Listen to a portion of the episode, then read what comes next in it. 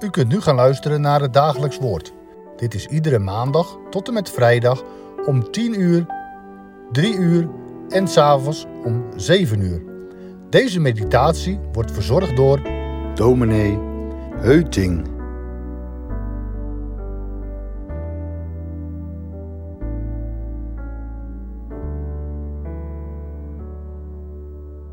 Habakuk bidt.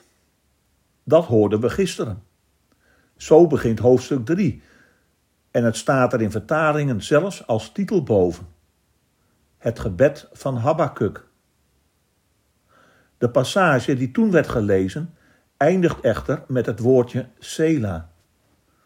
Wie thuis is in de Bijbel herkent het uit het psalmboek. Daar valt het regelmatig. Het is een term uit de muziek. Wat zij precies betekent is onbekend. Gaat het om herhaling? Of een verhoging qua toon? Moet er zachter gezongen worden? Of juist luider? Hoe het zij, er wordt gezongen. Het aanvankelijk gesproken gebed, in feite slechts de versen 2 en 3a, gaat over in een, laat ik maar zeggen, gebedslied, een gezongen gebed. En vandaag bidden wij zingend mee, of andersom, zingen wij biddend mee. We lezen Habakkuk 3 vanaf vers 3b tot en met vers 9a. Habakkuk 3. Zijn majesteit bedekt de hemel. De aarde was vol van zijn lof. Er was een glans als van het zonlicht. Lichtstralen kwamen uit zijn hand. Daarin ging zijn macht schuil. Voor hem uit ging de pest.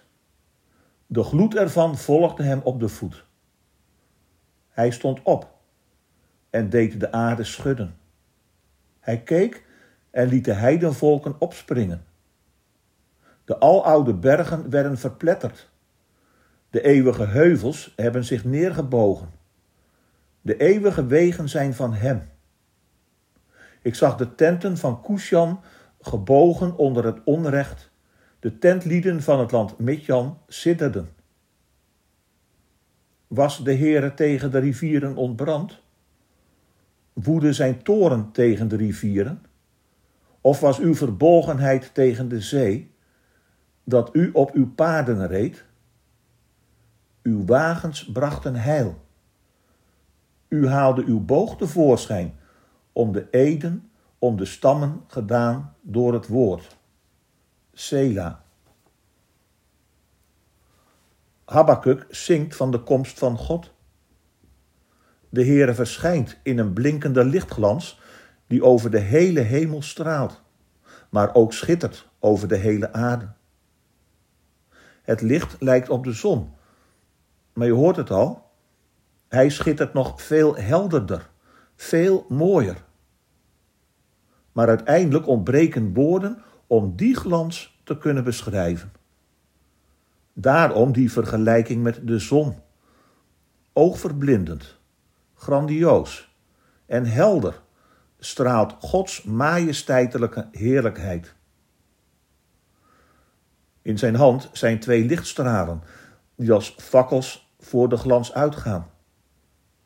Al met al glinstert dus één en al licht.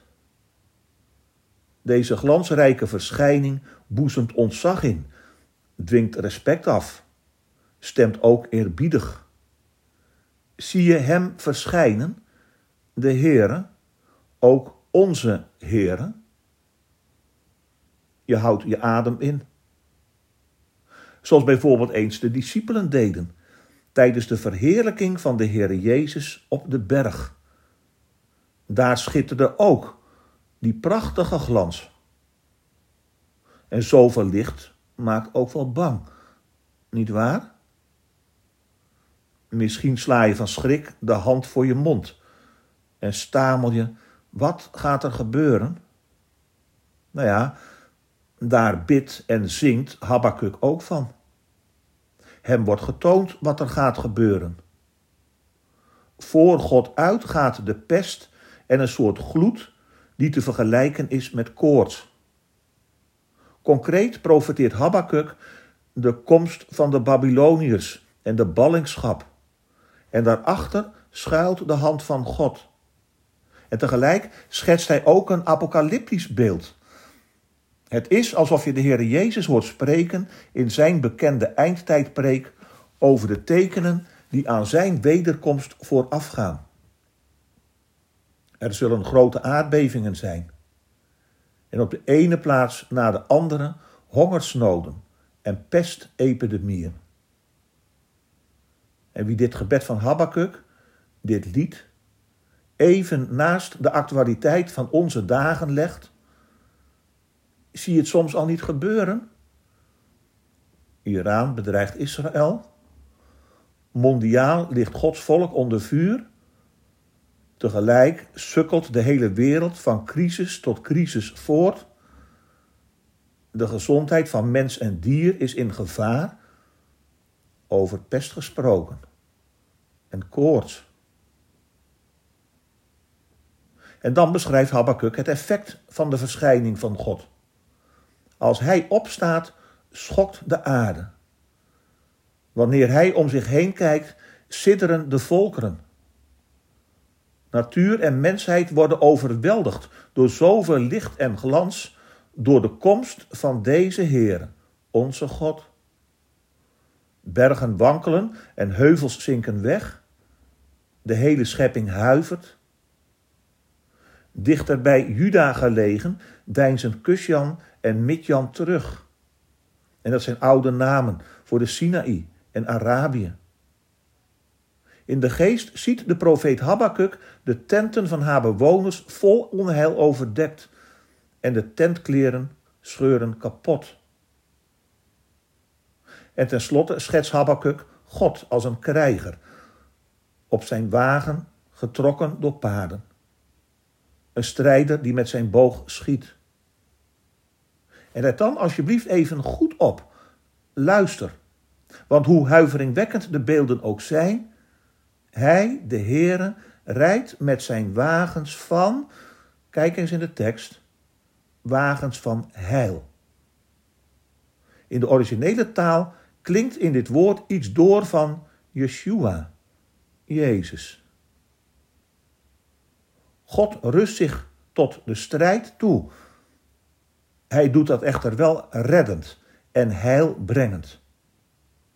En het resultaat staat bij voorbaat vast. God overwint. En dan volgt in deze frase van het gebed, dan volgt op dit lied nog eens Sela. Zullen wij herhalen? Of moeten we misschien zachter zingen? Of juist luider? Gespannen kijkt Habakkuk uit op zijn wachtpost wat er gaat gebeuren en naar wat de Heere God gaat doen. Uitgedrukt met woorden uit een bekende psalm: Hij komt, Hij komt om de aarde te richten, de wereld in gerechtigheid. Die dag nadert, de dag dat zijn recht zal zegevieren. Laten we meekijken. Laten we bidden en zingen. Morgen en overmorgen. Laten wij bidden. Heere onze God, u spreekt ook ons aan door woorden van profeten en evangelisten. U komt. Wij weten dat vooral door de Heer Jezus. Hij zegt het. En o bijzonder, ineens schittert in het evangelie ook de profetie. Geef ons open ogen, open oren, om al uw tekens te verstaan. Te zien wat u doet, als een habakuk op onze wachtpost te gaan staan. Want wij verwachten die dag, in de taal van de traditie, met groot verlangen. Wil dat verlangen niet beschamen, om Jezus wil. Amen.